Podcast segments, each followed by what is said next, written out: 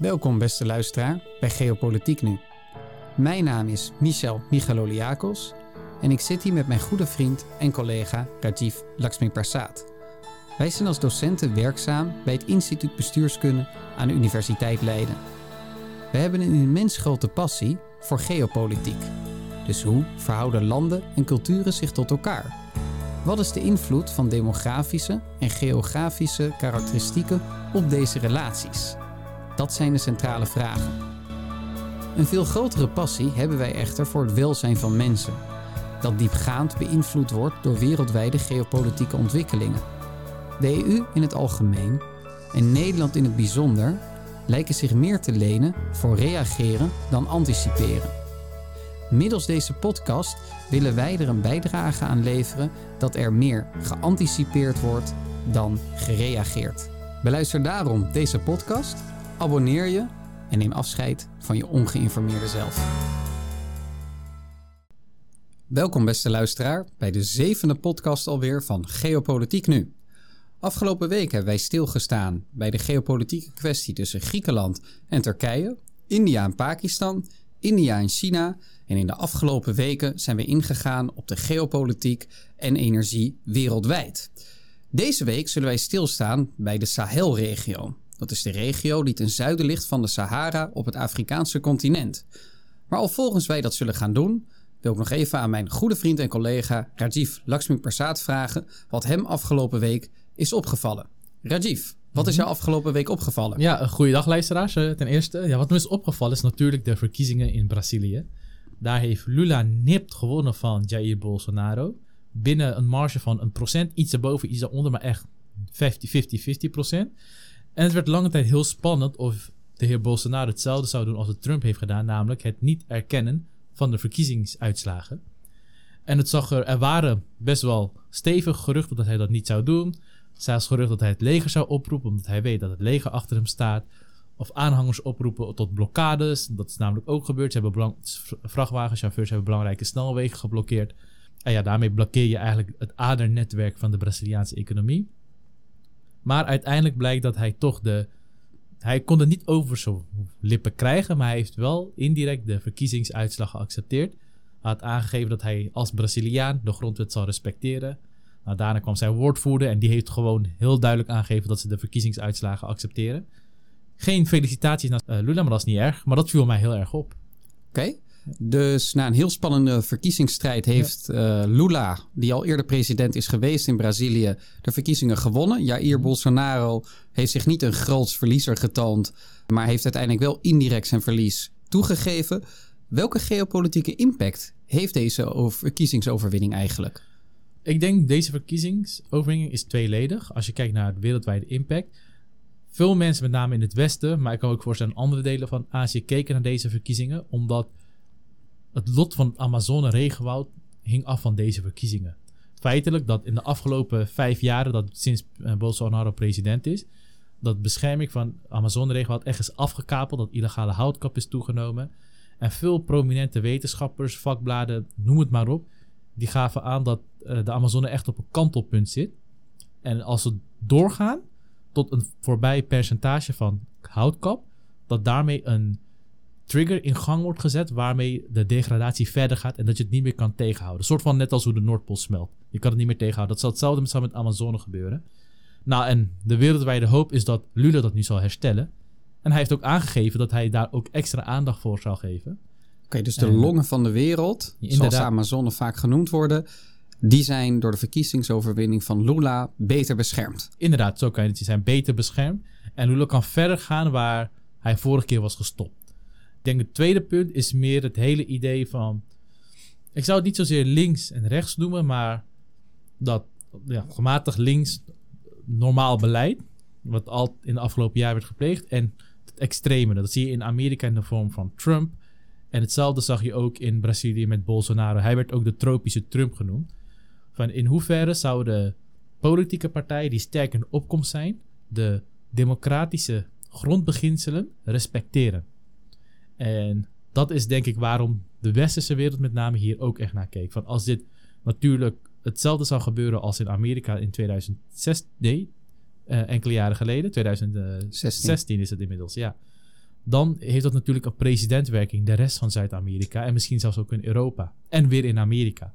Ja. En het feit dat Jair Bolsonaro heeft kunnen aantonen dat hij, ook heeft hij niet Lula gefeliciteerd, maar toch, ik zal de grondwet respecteren, daar valt ook wat voor te zeggen. Oké. Ja. Ja. dus wereldwijd was er een bepaalde angst dat populistisch rechts of radicaal rechts, geef er een naam aan, Mhm. weer een verkiezingswinst zou behalen. En dat daarmee de democratie, net als de Amazon in het geval van Brazilië, verder zou eroderen. Die angst is gelukkig voor velen niet waarheid geworden. Tegelijkertijd zijn veel mensen ook teleurgesteld in de verkiezingsoverwinning van Lula en het verlies van Bolsonaro. En dat is wel interessant om dat wereldwijd te beschouwen dat er best wel een soort nationalistisch georiënteerde politieke stroming is ontstaan die heel erg dominant aan het worden is. Geldt niet alleen in de westerse wereld, zeker ook erbuiten, in landen als India, maar ook Pakistan, Brazilië, net als we dat ook zien in Amerika en in Europa. En de vraag is natuurlijk, hoe moeten wij daar als Westen op reageren, intern en daarbuiten? En ik denk dat, dat we daar zeker in de toekomst nog eens een podcast aan Ja. moeten wijden. Hoe Ja. nationalisme staat tegenover multilaterisme. En dat betekent met meerdere landen samenwerken of cosmopolitisme. En in hoeverre die dingen nou echt zo onverenigbaar zijn, zoals wel eens wordt doen voorgesteld. Want misschien zijn deze twee waardesets helemaal niet zo onverenigbaar als sommige mensen het doen geloven. Ja, dat denk ik ook hoor. Maar dat is inderdaad een leuk onderwerp voor verder. Zeker. Dus Eh, met die vraag gaan wij in een andere podcast verder. Vandaag gaan wij dan verder stilstaan bij de Sahelregio. Als ik jou zou moeten voorleggen, Rajiv, kun jij 1, 2 associaties opnoemen van de Sahelregio en zou je die met ons kunnen delen? Ja, Sahel, dat denk ik gelijk terug aan mijn aardrijkskundelessen. Aan het, bij het Haganum, de heer Sabé, aardrijkskundeleraar voor heel lange tijd. Ja, de Sahel is een regio, Sahara-woestijn. Iedereen weet, kan er wel een beeld bij hebben. Droog, zand, warm, heet. Er groeit nauwelijks wat. En dan heb je de savanne. Dan denk je vaak aan de Lion King beelden. Dus grasvelden, hoog gras met bomen hier en daar. Giraffes, nijlpaarden, leeuwen, tijgers, andere grote dieren. Stokstaartjes natuurlijk, Stokstaartjes, dus de, vanwege de Lion King. Inderdaad, dus de grotere dieren. Semi-megafauna, zoals ze dat noemen. En dan heb je de Sahelregio. Dat is het gebied tussen deze savanne-regio. Dus met hoge gras en enkele bomen. En een woestijn, de Sahara-woestijn. En dat is een regio waar er meer sprake is van struikvorming. Dus niet zozeer gras, maar struikvorming met minder bomen hier en daar. Betekent dus dat er wel wat groeit, maar niet zo heel veel. En dat er wel enigszins af en toe regent valt. Dus in Sahara is het enkele keren per jaar. Sahel is het wat meer. Dus het heeft een hele eigen flora, een hele eigen fauna. Ook prachtig om te zien hoor. Dus het ziet er heel mooi uit. Een soort magisch element heeft het. Eh, dat is het eerste wat ik denk als ik aan de Sahel denk. En het tweede, dan denk ik gelijk aan nomaden. Dus ja, nomaden. Helemaal bedekt. Natuurlijk vanwege al de zandstormen. Met kamelen, duizenden kilometers, een heel continent doordravend op zoek naar, eh, naar de volgende oasepunt. Dat zijn eigenlijk de twee beelden die ik heb bij de Sahel. En jij? Nou, ik zelf eh, moet dan eigenlijk gelijk denken aan de kameel. Inderdaad, die nomadische volkeren die hebben zich eeuwenlang, duizenden jaren lang kunnen vervoeren en handel kunnen drijven puur vanwege de kameel. Nog even grofweg een schets van die Sahelregio. Dat ligt dus op dat Afrikaanse continent ten zuiden van de Sahara. En de Sahel komt, die naam, komt uit het Arabisch en betekent kust. En ik denk dat je de Sahara ook wel eens zou moeten zien als een soort oceaan van zand. En dan is de Sahara de kustregio van een zandoceaan. En Ja. daar komt de naam Sahel dus eigenlijk ook vandaan. En de Sahel, die is 6000 kilometer breed. Die strekt zich uit van in het westen de Atlantische Oceaan tot in het oosten eh, de Rode Zee of de Indische Oceaan, afhankelijk van of je Eritrea wel of niet meetelt. En is heel, heel, heel erg gevoelig geweest in de afgelopen millennia voor klimaatverandering. En dat is de dag van vandaag niet anders. 10.000 jaar geleden was de Sahelregio een woestijn. Net als de Sahara was, eh, op dit moment is. En toen ter tijd veranderde het in de vorm van een savanne.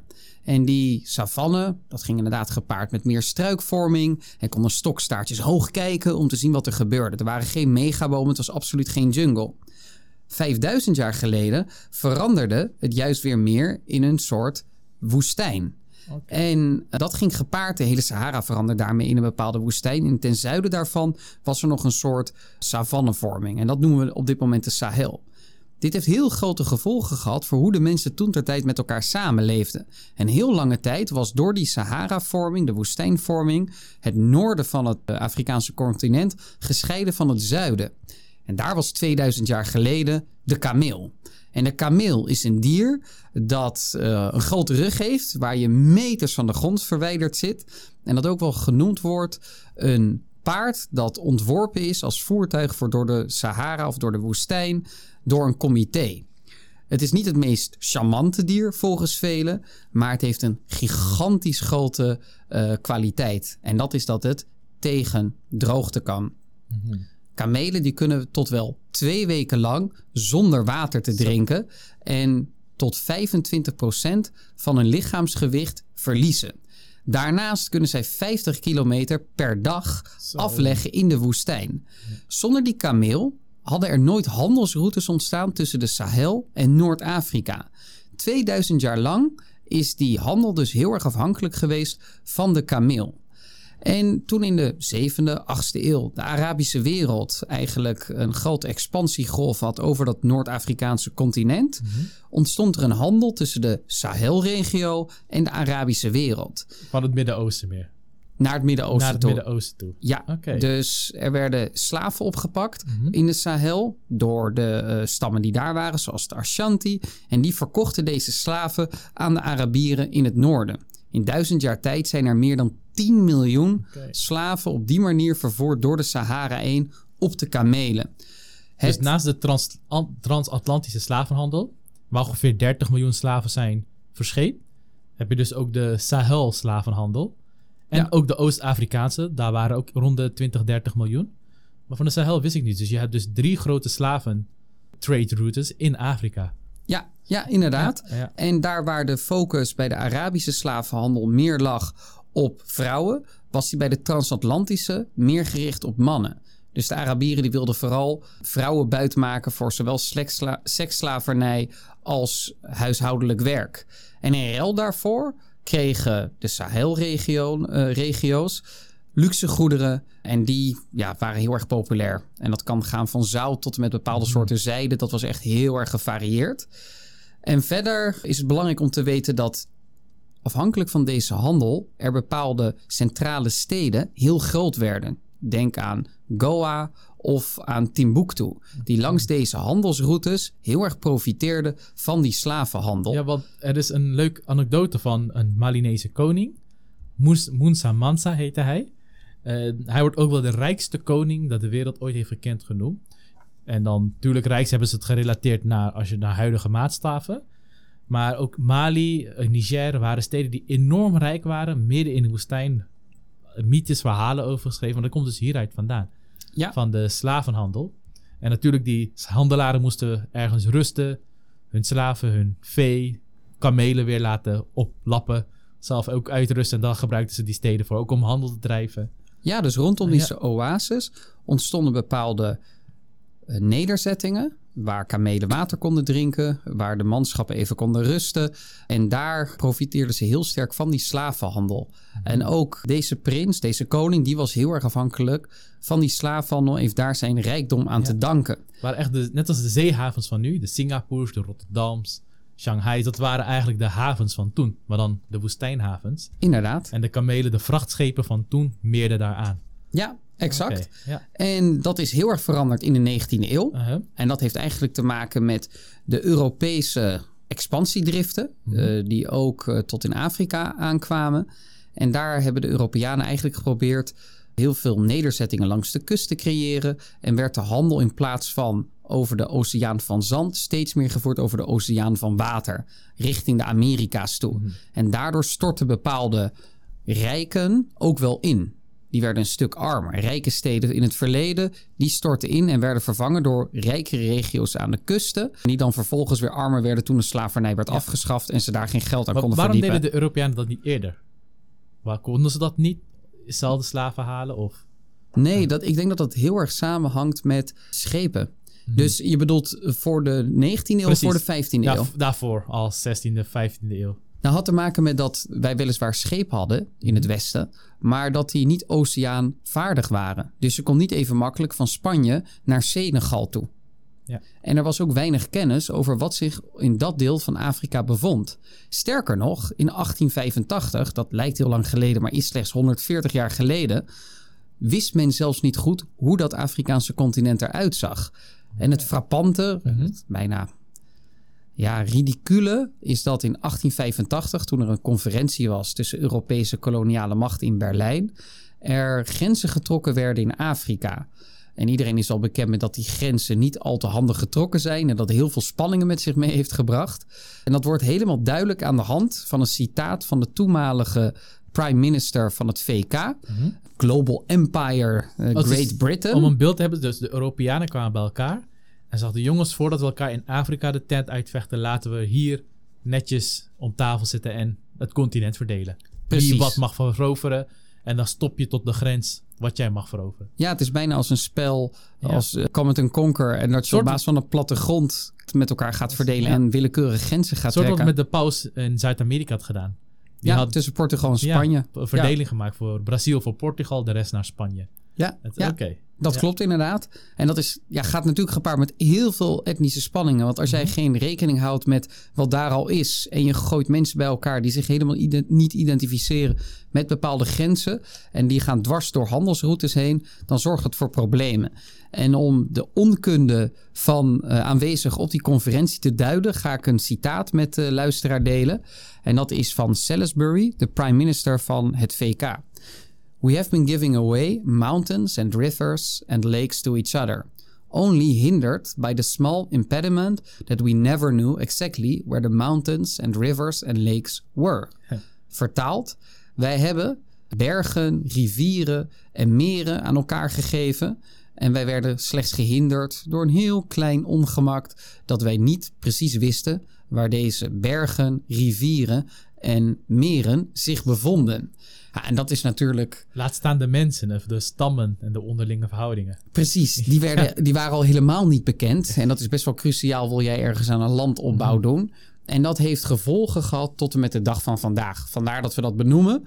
Dus die Arabische slavernijhandel en de transatlantische eh, Europese slavenhandel en kolonisatie hebben een diepgaande invloed gehad op de Sahelregio. Vandaar dat we die even expliciet benoemen. Sahelregio, kortom, heel erg afhankelijk van de kameel. Heel erg uitgestrekt gebied, 6000 kilometer breed. Het is Dat is van Canada naar Panama, heb ik Ja, begrepen. Ja, en het of was van Nederland naar Astana, Kazachstan. Ja, ja, ja, Ja. Het, het is krankzinnig groot. Heel erg dun bevolkt Mhm. is de regio. Dat wordt wel steeds dicht bevolkter. Concreet, in 1950 waren er ongeveer 35 miljoen mensen. Nu zijn dat er ongeveer 130 miljoen. In 2050 worden dat er 340 miljoen. Dus er is een enorme geboorte-explosie in de armste regio in de wereld. En Om dat een is beeld, de dat is net zoveel als, of meer dan Europa nu heeft.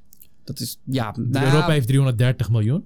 ja, de EU bedoel je. Of de Europa EU, heeft er eh, meer. Sorry, ja. EU. Ja. Ja, net zoveel als Indonesië op dit moment. Dus het wordt Ja. een van de grotere soort van landen in de wereld. Ik wil nog even be- bespreken waarom we de Sahel als één regio nu behandelen. Want het is niet een land.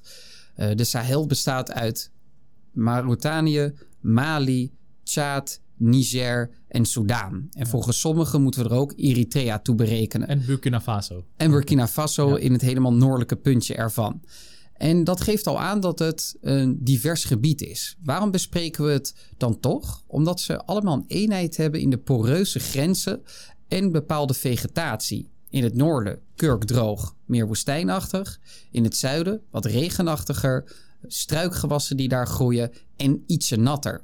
En in het noorden bevinden zich allerlei nomadische stammen, zoals de Tuareg en de Fulani. En in het zuiden heb je de zogezegde zwarte Afrikanen, zoals de Bambara-stammen in Mali. En er zijn nog veel meer stammen daar te vinden, echt honderden etniciteiten. We gaan ze niet allemaal afzonderlijk behandelen, maar dat geeft denk ik wel grofweg een schets van hoe die regio er demografisch gezien uitziet. Geografisch dus uitgestrekt, heel poreuze grenzen. Dat betekent dat die grenzen heel uitgestrekt zijn, moeilijk te beschermen in een heel dun bevolkt gebied. En dat ze heel, heel onbegaanbaar zijn. Je kunt dus niet gemakkelijk van het noorden van de Sahel naar het zuiden van de Sahel gaan. denk dat de luisteraar ook wel doorheeft, en dat geldt voor mij, maar wellicht Mhm. ook voor Rajiv, is dat wij de Sahelregio best wel als buitenstaander beschouwen. Inderdaad. En hoe voelt het voor jou eigenlijk om het als buitenstaander over zo'n regio te hebben? Want er zijn weinig regio's waar ik me zo slecht mee kan identificeren. Ik vind het wel interessant. Ten eerste omdat ik er zelf heel veel van leer. Ik heb na aanloop van deze podcast heb ik me ook heel veel in voorbereid. En heel veel werd mij ook duidelijk van... Gaan we natuurlijk ook zo meteen verder op in van waarom zijn wij daar als EU? Waarom was Nederland ook daar, Frankrijk? En lange tijd had ik zoiets... Jongens, waarom zijn we daar? Ga gewoon daar vandaan. Maar dat is ook mij steeds meer duidelijker geworden. En ook eigenlijk hoe... Aan de oppervlakte kan je vaak... Zeg je vaak, ja, dat komt door dit of komt door dat, komt door ideologie. Maar als je even wat verder graaft, dan zie je ook hier dezelfde, dat vond ik het toffe, dezelfde politieke, geopolitieke formules, modules, algoritmes in terug, die je eigenlijk overal in de wereld ziet. Het Ja. zijn alleen, an- het is net mensen als je niet, het is gewoon een andere kleur pion. Maar dus, het zijn dezelfde spelregels. En dat zullen we ook gedurende dit podcast en ook de volgende podcast, mocht het zover zijn, zullen we dat ook aan jullie uitleggen. Maar dat vond ik wel, ja, gaaf in die zin om te zien. Niet leuk dat het met zoveel ellende gepaard gaat, maar wel dat dezelfde regels van toepassing zijn. Ja, en dan één zo'n Ja. regel die ik heel erg interessant vind, die ook hier wat duidelijk zichtbaar is. Dat heel vaak keiharde belangen overgoten worden met een soort ideologisch sausje. Inderdaad. Bijvoorbeeld separatistische bewegingen, zoals de Tuareg, daar gaan we natuurlijk nog over komen te spreken, of de Fulani, die hun eigen nomadische eh, landen eigenlijk willen. Dat wordt vaak overgoten met een islamistisch, jihadistisch sausje als rechtvaardiging. Maar het zijn eigenlijk gewoon keiharde belangen van deze groepen. En wat nog verder een kenmerk is van die Sahelregio, is dat het echt een schaakbord is voor andere landen om schaakspellen te spelen. Denk aan Frankrijk, denk aan de Verenigde Staten, Verenigd Koninkrijk, eh, maar ook non-statelijke actoren. Dat zijn actoren, organisaties die niet van een overheid of een staat zijn. Zoals Al-Qaeda, ISIS of een variant op Al-Qaeda. Eh, en dat is Al-Qaeda in de islamitische Maghreb. En nog talloze andere organisaties zoals Boko Haram, Al-Shabaab. En ga zo maar door, die proberen hun presentie te vergroten in de Sahelregio. Het is daarmee echt een schaakbord eh, die gefaciliteerd wordt door de zwakke staten eh, die deze landen zijn. En tegelijkertijd de belangen die daar liggen. Zoals uraniumexploitatie van Frankrijk of expansiedriften van de Fulani die een eigen staat willen hebben. Dat kan heel divers zijn. En dat dus vaak overgoten wordt met een ideologisch sausje. Ja, want dat, dat viel me op dat je... Ik ging ook even onderzoek doen naar de stammen. Komen we daar verder op in, maar... Ik had al een idee, de grenzen van Afrika komen niet overeen met de stammen. Dat algemene idee had ik al. Maar het is veel erger dan dat ik in eerst tot, eigenlijk tot deze week had gedacht. Dat ik zag dat er over een kilometer van 6000, over een breedte van 6000 kilometer er stammen leven. Die eerst, en sommige stammen hebben een hekel aan elkaar, die zijn in een land gepropt. En dat ten eerste. Ten tweede, je hebt van één stam heb je miljoenen mensen in land A en miljoenen mensen in land B. En dan heb je in land B nog weer een stam B met miljoenen mensen in dat land en dan weer miljoenen mensen in land C. Toen ik naar dat kaart keek, je hebt ook een, ik zal iedereen aanraden Google even de Ethnic Map of Africa, de etnische kaart van Afrika. Tuurlijk, je hebt verschillen tussen kaarten, maar enigszins zijn ze wel gelijk. En zet daar de huidige landskaarten ernaast en dan besef je het. Waar we over praten. Je moet voorstellen, het is alsof wij, en dat is echt als je naar de breedte kijkt, in één land worden gestopt met Noord-Afrika en Centraal-Azië in één. Met stammen, sommigen niet altijd, maar die elkaar niet mogen, vanaf historisch oogpunt al niet. Ja, dan vraag je echt om problemen. En dat, ja, dat is Ja, het heel... is weinig, met weinig echt cultuursensitiviteit totaal niet. Nee. gepaard gegaan. En dat in de 19e eeuw, maar zeker ook bij de dekolonisatie. En daar gaan we Mhm. zo dieper op in. Een bepaald soort landenidentiteit leidend moest zijn in hoe landen met elkaar en groepen met elkaar samenleven. En deze landenidentiteiten, dat had de Sahelregio eigenlijk helemaal niet. Die waren op een heel andere manier met elkaar aan het omgaan. Dat waren nomadische volkeren die de ene dag op plek A leefden en de andere dag op plek B. En die waren heel grensoverschrijdend. Dus dat die nationalistische signatuur om landen in te richten, wordt eigenlijk gelogenstraft door de praktijk op de grond. En daar blijkt dan ook uit dat grote groepen mensen bij elkaar stoppen, die op een heel andere manier samenleefden dan normaliter mensen in een land doen, een onverstandig idee is. En dat is een van de belangrijkste lessen van zowel de kolonisatie als de dekolonisatie. En die dekolonisatie die kreeg eigenlijk gestand in de jaren 50 en 60 van de 20ste eeuw. En verschillende landen, die ik net al benoemd heb, die werden in verschillende jaartallen onafhankelijk. Dus die kunnen zelf hun eigen land besturen. In enige mate. Want bijvoorbeeld Frankrijk heeft nog steeds een heel grote voetafdruk in Frans-Afrique. En Frans-Afrique is een dubieuze term. Maar dat duidt eigenlijk daar waar Frankrijk tot tweede helft van de 20e eeuw kolonies had. En via verschillende systemen nog steeds daar zijn eigen macht probeert te handhaven.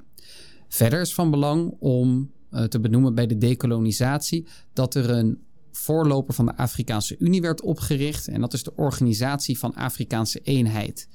En die had eigenlijk tot doel welvaart en veiligheid over het Afrikaanse continent te verspreiden en de dekolonisatie te versnellen. De Sahelregio is daar geen uitzondering op. Ook daar probeerden ze de dekolonisatie goed vorm te geven. En dat mondde uiteindelijk uit in een vijf, zes, zevental staten, afhankelijk van waar je precies de grenzen neerlegt.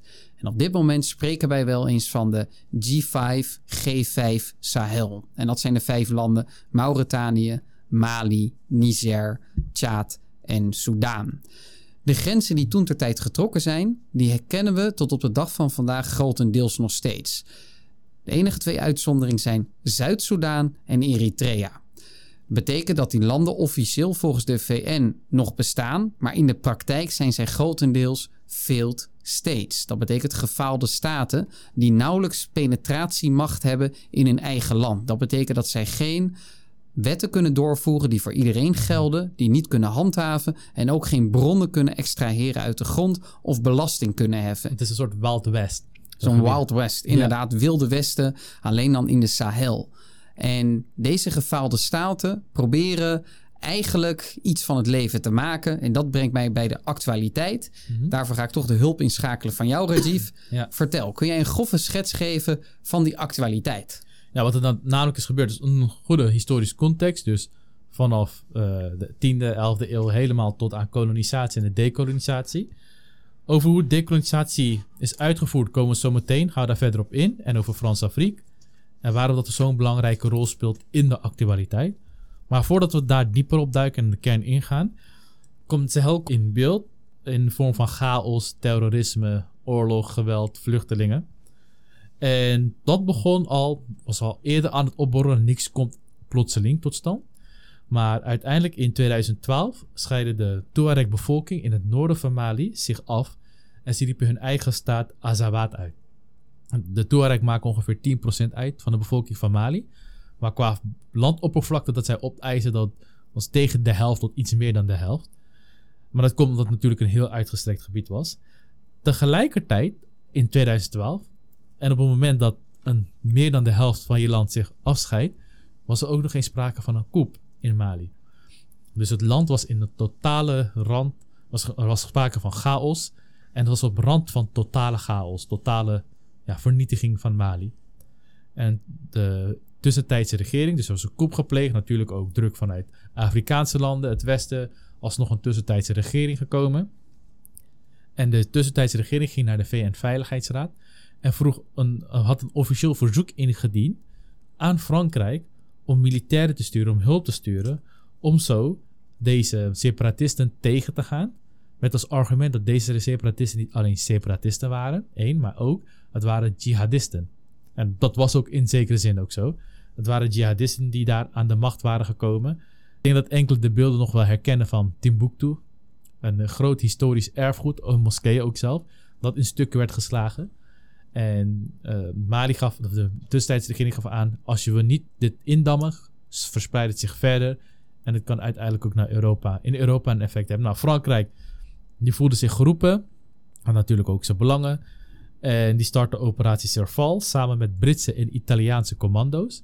Probeerden zij de jihadistische groeperingen met specific strikes, zoals ze dat noemen, met specifieke targets uit te schakelen.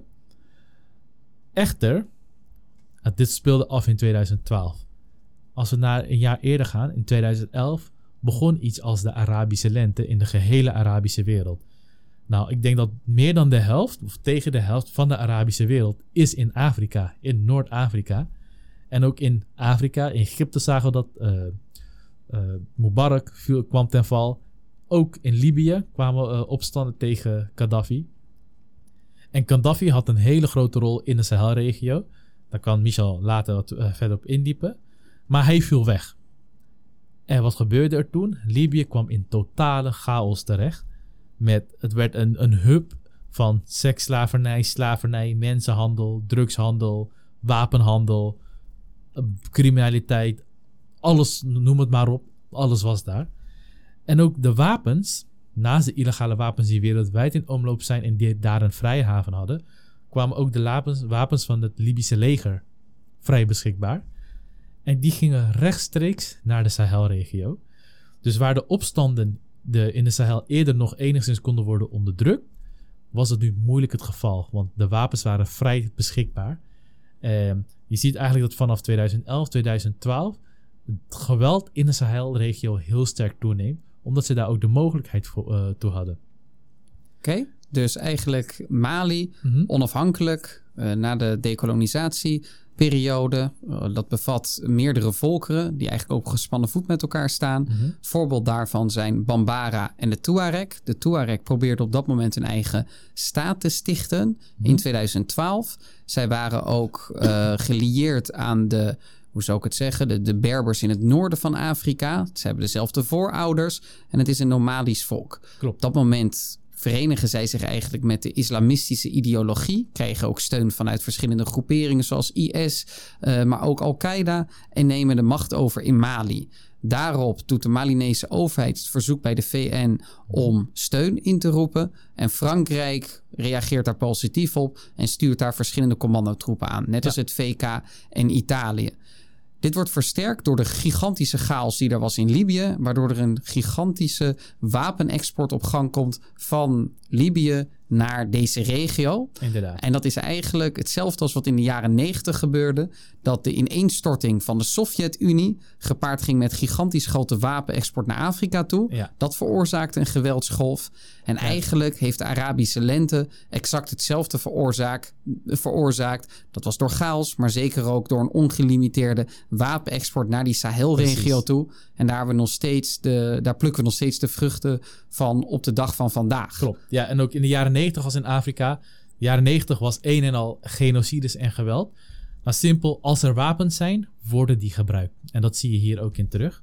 Zeker als die spanningen er al zijn. Dus er is al een voedingsbodem mm-hmm. voor geweld. En dan heb je alleen een katalysator nodig. En dat zijn dan bijvoorbeeld middelen van goedkope wapens. Ja. Rusland, Sovjet-Unie in, de in, de, in de jaren negentig. En nu uh, de Arabische lente. Inderdaad. En het ineenstorting van bepaalde regimes. Ja. Hoe gaat het nadien verder? Nou, hoe gaat het dan nadien verder? Dus de eerste operatie heet ook Operatie Serval. Dat in uh, 2012 werd gestart. Nou, wat je dan ziet gebeuren, je ziet een enorme toevoer van wapens naar de Sahel-regio. En ook een enorme opkomst van allerlei jihadistische groeperingen en IS dat steeds meer voet aan de grond krijgt. En je ziet het gevaar steeds meer lekken naar andere landen. Landen als Burkina Faso, Niger en in mindere mate ook Tjaad en Sudan, maar vooral deze drie landen krijgen te maken, en Mauritanië ook, krijgen te maken en met... voor de duidelijkheid, uh, Mali uh, is als het ware, als je die vijf landen even horizontaal op een rijtje zet, is het tweede land vanaf links. Dus Inderdaad. links van Mali ligt Mauritanië, rechts van Mali ligt Niger en onder Mali ligt Burkina Faso. Inderdaad. Dan heb je een beetje een idee. Precies, ja. En uh, precies, dat is het idee. En het gevaar lekte zich naar andere landen. Zoals je al eerder aangaf, de grenzen zijn poreus. Het zijn ook vaak veel states. Dus er is, er is geen grens. Als je daar staat, het is een en al woestijn. En het kan net zo zijn als je vijf meter loopt dat je door een landsgrens, dat je een landsgrens hebt gepasseerd. Dus er is geen ambtenarij, niks bureaucratie dat daar zaken in de gaten houdt. Dus het lekt naar andere landen. En zodanig zelfs dat er een triangle of evil ontstaat tussen Mali, Burkina Faso en Niger. En net zoals in Libië is hier terrorisme, jihadisme en alle vormen van criminaliteit viert hier hoogtij. Ook, uh, het lek begint ook te lekken naar het noorden van Nigeria met vreselijke aanslagen van Boko Haram. Lekt naar Niger, naar Tjaad. Dus het begon steeds erger en erger te worden. En ook het Westen was bang dat dit een, een broedplaats voor internationaal terrorisme wordt. Naast andere belangen, maar dit is dus ook een belangrijk belang. En Ja. uiteindelijk zou daar het resultaat Uh-huh. van kunnen zijn dat we een soort Afghanistan-achtige perikelen gaan krijgen in de Sahelregio.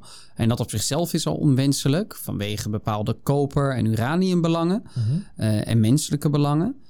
En vooral vanwege de migratiestromen die daardoor op gang zouden kunnen komen van het. Afrikaanse continent naar Europa toe. En dat zet natuurlijk de gemoederen in Europa onder, eh, onder hoogspanning. En zoals je eerder aangaf, de bevolking gaat groeien naar 304 miljoen mensen.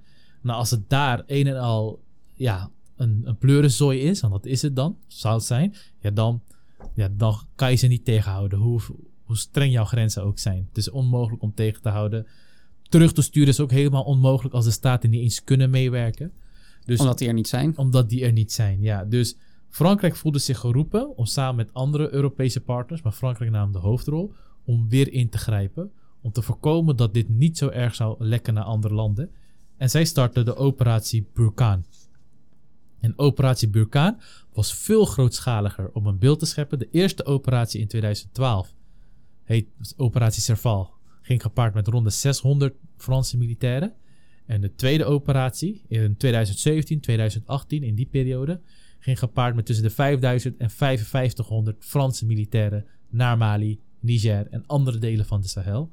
Samen met Europese partners. Nederland heeft ook meegedaan. Heeft ook enkele honderden militairen gestuurd. Britten, Amerikanen deden mee. Daar is dat grote schandaal nog met Hennis Plasgaard Inderdaad. uit voortgekomen. Ja, dus Oud-minister Frankrijk, van Defensie. Frankrijk nam NAVO-partners mee naar de regio. Met als argument: dit, is, eh, dit wordt een, is en wordt een groter NAVO-probleem. Eh, om daar orde op zaken te stellen. Echter, we zijn nu hier in 2022 om een fast forward. En je ziet dat de gevechten zijn nog steeds verspreid. ISIS heeft nog steeds een hele sterke groei. En de Malinese regering zit totaal niet op de Fransen te wachten. En sterker nog, hebben ook de Fransen niet naar huis gestuurd. Maar ze wilden niet meewerken met de Fransen, waardoor de Fransen hebben besloten om maar zelf terug te gaan naar huis. En hebben Mali, niet de andere landen, maar Mali, ja, met rust gelaten. Oké, dus ik hoor vaak de presentie van Frankrijk terug Mhm. in de Sahelregio. Allereerst is het even duidelijk, oh, moet ik even duidelijk maken dat het allereerst als het ware fout ging in Mali.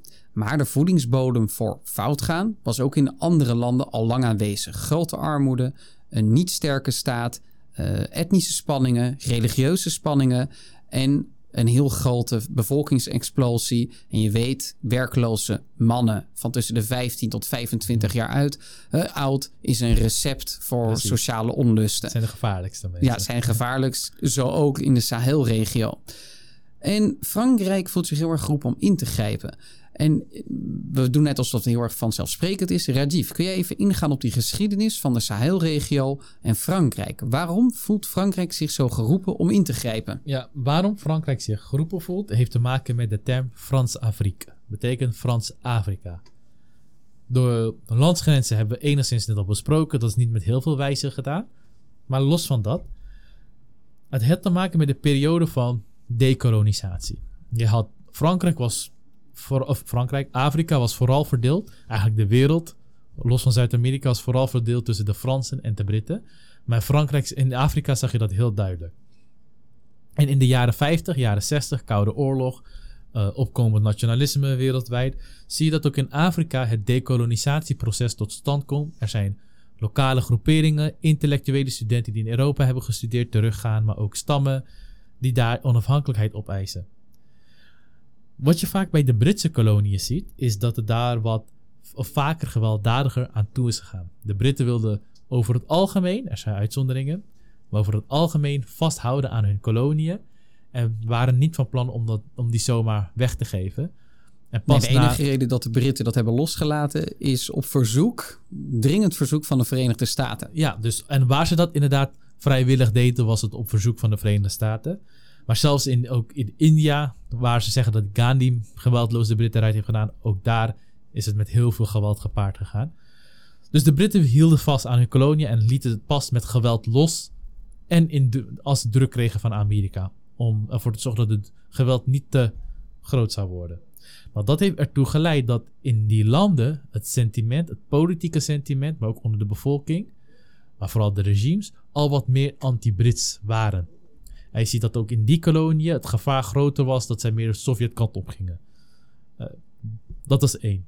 De Fransen, die zagen dit ook al aankomen. De decolonisatieprocessen kwamen het Britse Rijk ook iets eerder op gang dan voor het Franse Rijk. Precies, ja. Zou je kunnen stellen. Ja. Vandaar ook dat de Fransen iets meer anticipatietijd hadden. Klopt. Ja, dus de Britten moesten ermee dealen. Die hadden geen ervaring met decoloniseren. En ja, die hielden zich eraan vast. Dus dachten, we proberen hetzelfde als Amerika. Toen die onafhankelijk werd, gewoon een leger op afsturen, kijken of het werkt. En de Fransen die keken ernaar en die konden, hadden tijd om ervan te leren. Nederland had ook niet tijd om te leren. Het was direct na de Tweede Wereldoorlog. En ze dachten, weet je wat? We doen het anders. En er is één persoon die dit... Er zijn natuurlijk meerdere, maar er is één persoon die het hoofd is van deze strategie van Frans-Afrique. En dat is het albekende president Charles de Gaulle.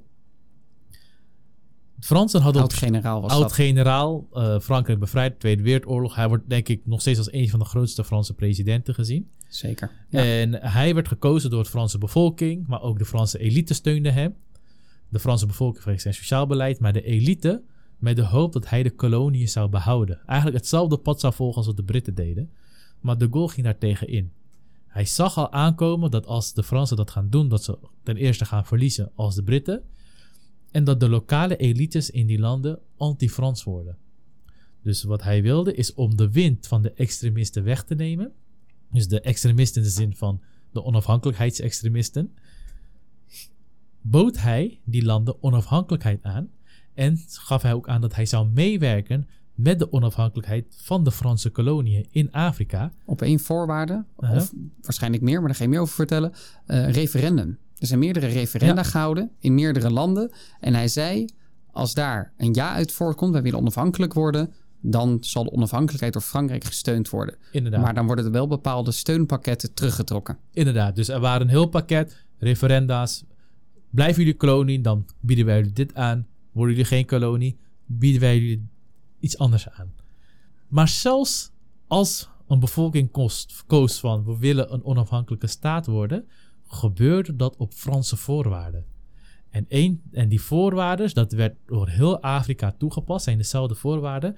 En dat is wat er wordt bedoeld met Frans-Afrique. Zelfs na de onafhankelijkheid werden deze Afrikaanse koloniën als het ware nog steeds Franse vazalstaten. En hoe uitzicht dat? Zo moesten al deze Franse of Afrikaanse landen hadden nog steeds een Franse munt. Dat heette het CAF.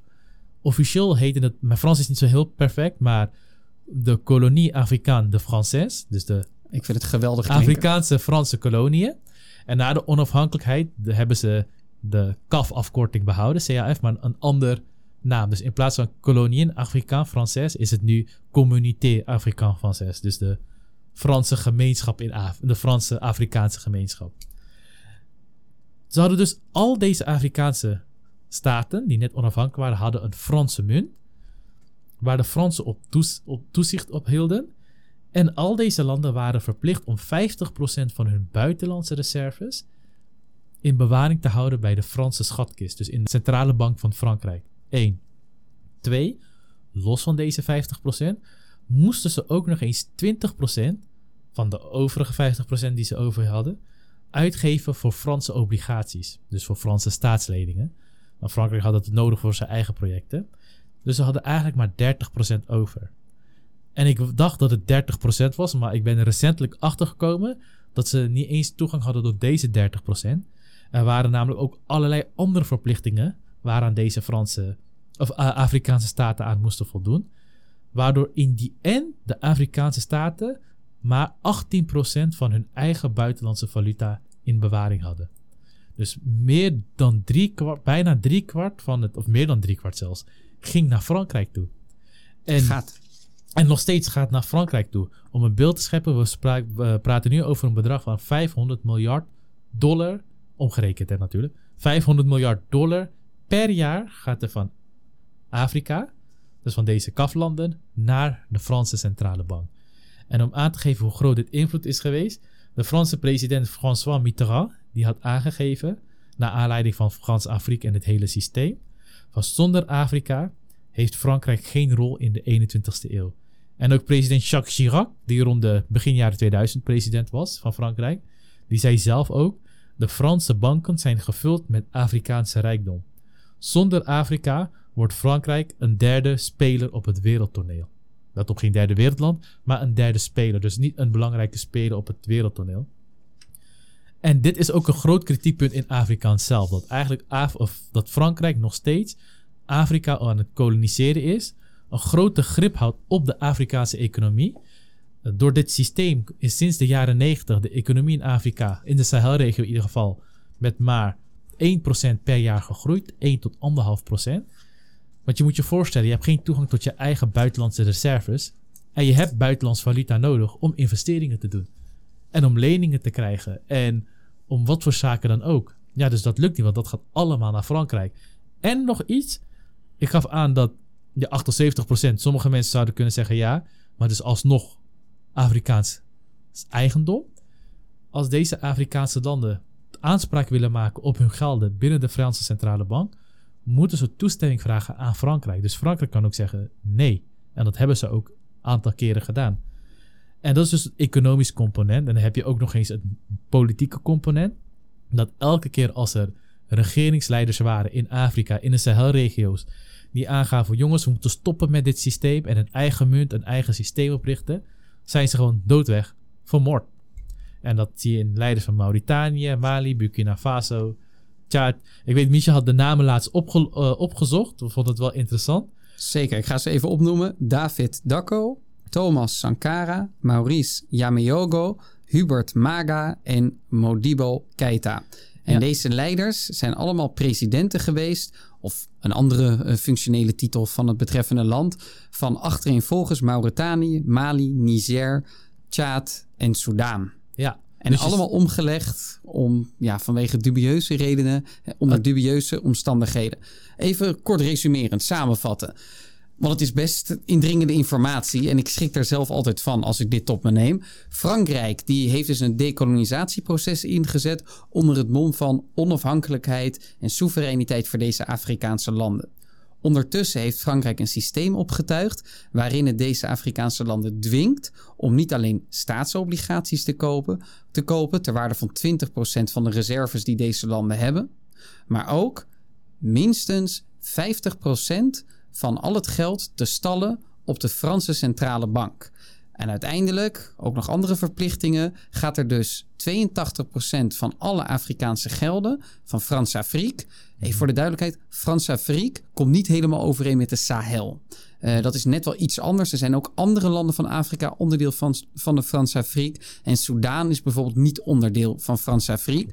Maar omdat het zo een gigantisch diepgaande invloed heeft, benoemen wij dit even allemaal. Mhm. Maar gaat dus allemaal naar de Franse Centrale Bank, die op hun beurt weer een vetorecht hebben van hoe dat geld besteed wordt. Inderdaad. En ja, dat, dat is bijna een economisch recept voor hoe je een land niet kan laten groeien en zijn eigen staat kan laten opbouwen. Precies, want ook investeerders als jij investeert in een land en het, land kan failliet gaan, je houdt er als investeerder rekening mee, al tenminste heb je nog toegang tot die reserves, tot buitenlandse divisie. Maar dat heb je nu ook niet. Dus investeerders, staatsinvesteerders, dus er is geen grond voor economische groei. Dat is, dat is ten eerste. En over die politieke moorden, vaak, of ook andere landen hebben aan politieke moorden gedaan, maar dan gaat het wat subtieler. Een gif of een vliegtuig dat neerstort, zoals in dat in Congo is gebeurd. Maar hier is het gewoon die hebben ze niet eens de moeite genomen om het een beetje te coveren. Het was gewoon een moord. Gewoon, iedereen wist direct wie de spelers waren. Dat is dus punt 1. Dus het economische tegenhouden van groei in deze regio. Het politiek tegenhouden, het tegengaan van andere stemmen. En drie, nou, je haalt, je haalt deze leiders weg. Een onderdeel van Frans-Afrika is het ondersteunen van regimes die Fran francofiek zijn, dus pro-Frans. Uh, Fransofiel. Fransofiel zijn, ja. In het, uh, in het Engels Fransofiek, in het Nederlands Fransofiel zijn. Dus heel pro-Frans zijn. Dat zijn vaak ook Afrikaanse leiders die in Frankrijk hebben gestudeerd, uh, tot de elite behoren. En in al deze landen had Frankrijk deze leiders aan de macht gezet. Het waren ook allemaal militaire dictaturen. En Frankrijk ondersteunde deze dictator dan ook volledig. Hun gezinnen werden geregeld, hun huizen werden gebouwd. Ze kregen vastgoed in Parijs aan de Champs-Élysées.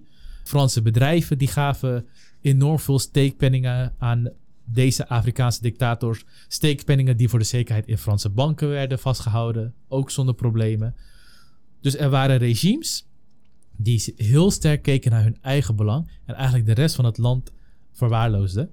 Ja, en die wil ik nog eigenlijk aan toevoegen om dat toch nog een beetje beter te begrijpen. Dus er is dekolonisatie geweest, maar alsnog zijn deze landen economisch en politiek heel erg gekielhaald door Frankrijk. Mhm. Maar hoe hebben de bevolkingen dat eigenlijk beleefd? En daar zie je een duidelijk verschil tussen bepaalde generaties. En de luisteraar wil ik dan ook heel graag het boek van Martin Meredith aanraden, The State of Africa: A History of 50 Years of Independence. Daar wordt heel diepgaand besproken op welke wijze de dekolonisatie gestand heeft gekregen en wat het verschil is geweest tussen de Britse dekolonisatie en de Franse dekolonisatie. En het interessante is inderdaad dat heel veel Afrikaanse leiders in Franse koloniën in Frankrijk gestudeerd hebben en zich helemaal francofiel hebben gemaakt. Ze waren, voelden zich echt Frans. ook. Zij voelden zich op een bepaalde manier gewoon zwarte, echte Fransen. Dus zij gaven ook om France as the motherland. Ik weet niet hoe ik dat in het Frans moet uitspreken, dus vergeven.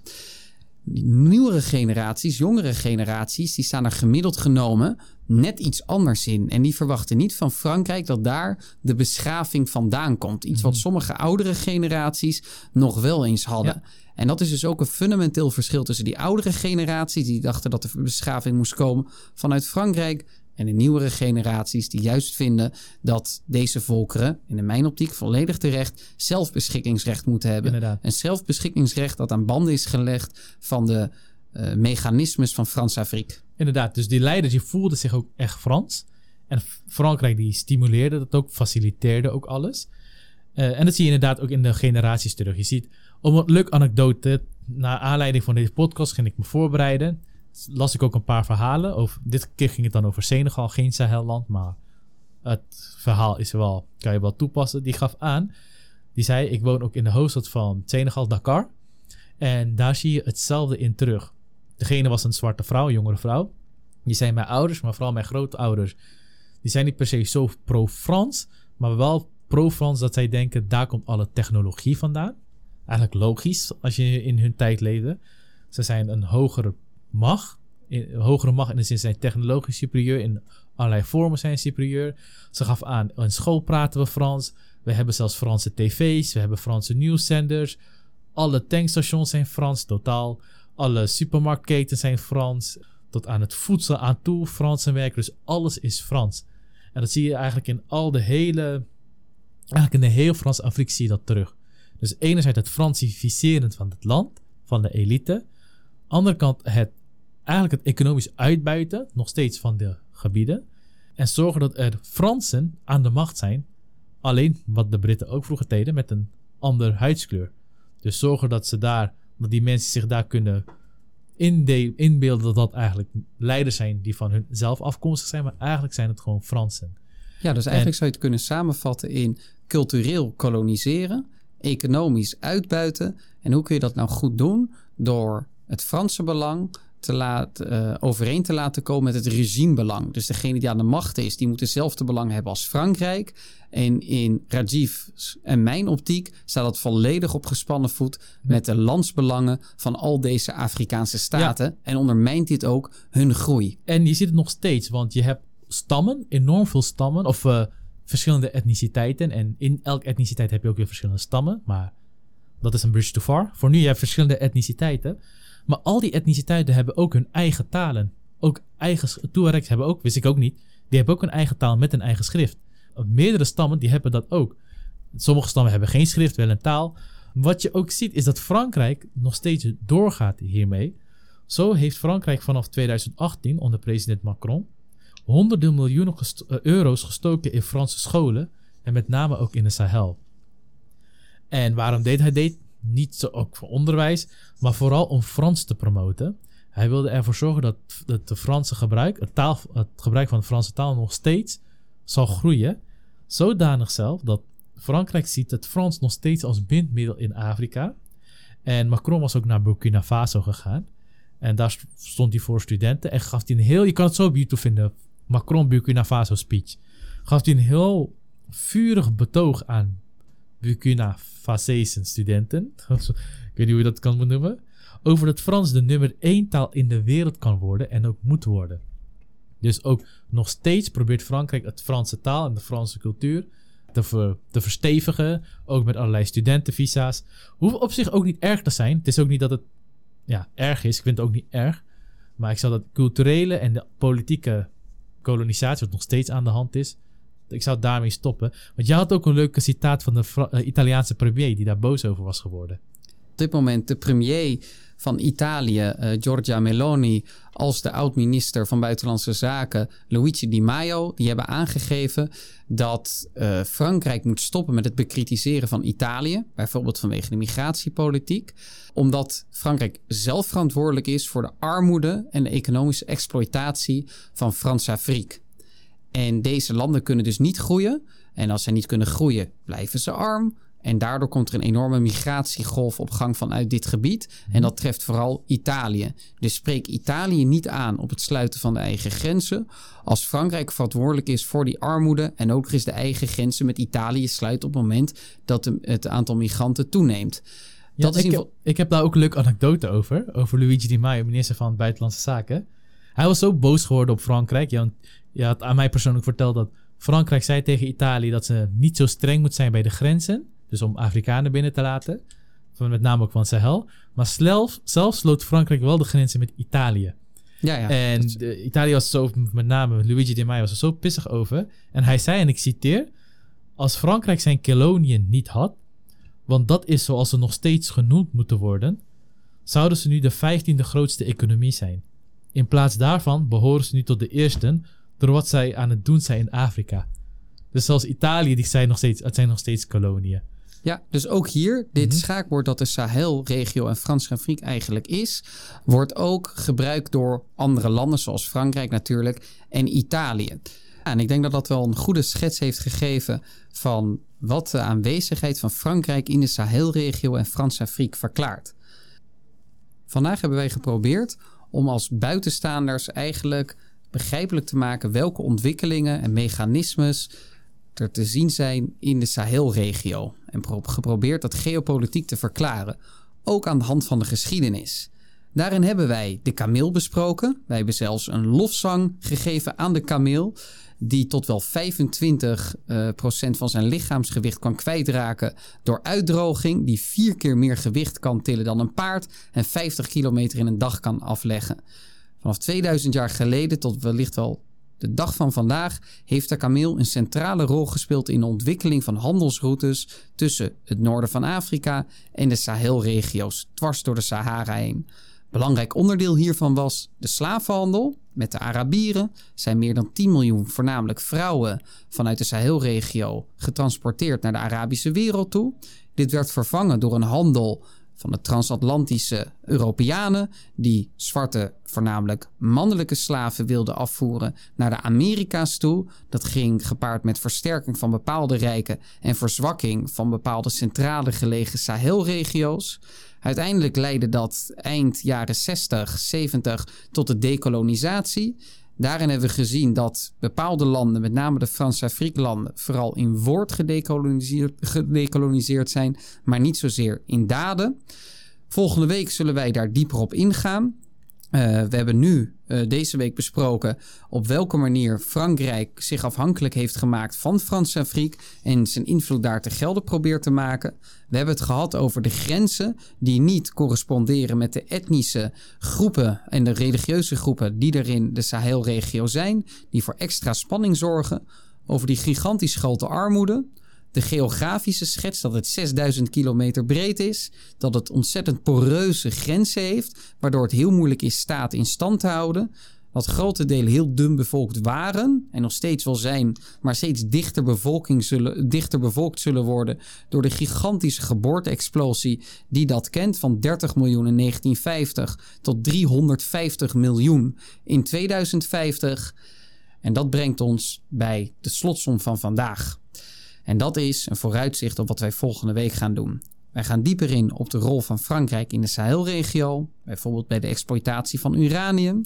Wij gaan dieper in op de geopolitieke situatie tussen de verschillende Sahelregio-landen en hoe die daarmee omgaan met jihadisme, met separatistische bewegingen, met Frankrijk dat zijn uh, daar, spierballen daar spant, met de Verenigde Staten die daar belangen heeft, met Rusland en ook China die proberen hun presentie in de Sahelregio te vergroten. En op welke manier de Green Wall misschien toch een oplossing kan bieden voor deze door problemen geteisterde regio. Rajiv, ik ga jou heel hartelijk danken voor vandaag. Graag gedaan. En aan de luisteraar, wij hopen natuurlijk van ganser harte dat u weer afscheid heeft kunnen nemen van uw ongeïnformeerde zelf. Volgende week zullen we ook dieper ingaan op wat Nederland moet doen. Heel hartelijk dank voor het luisteren.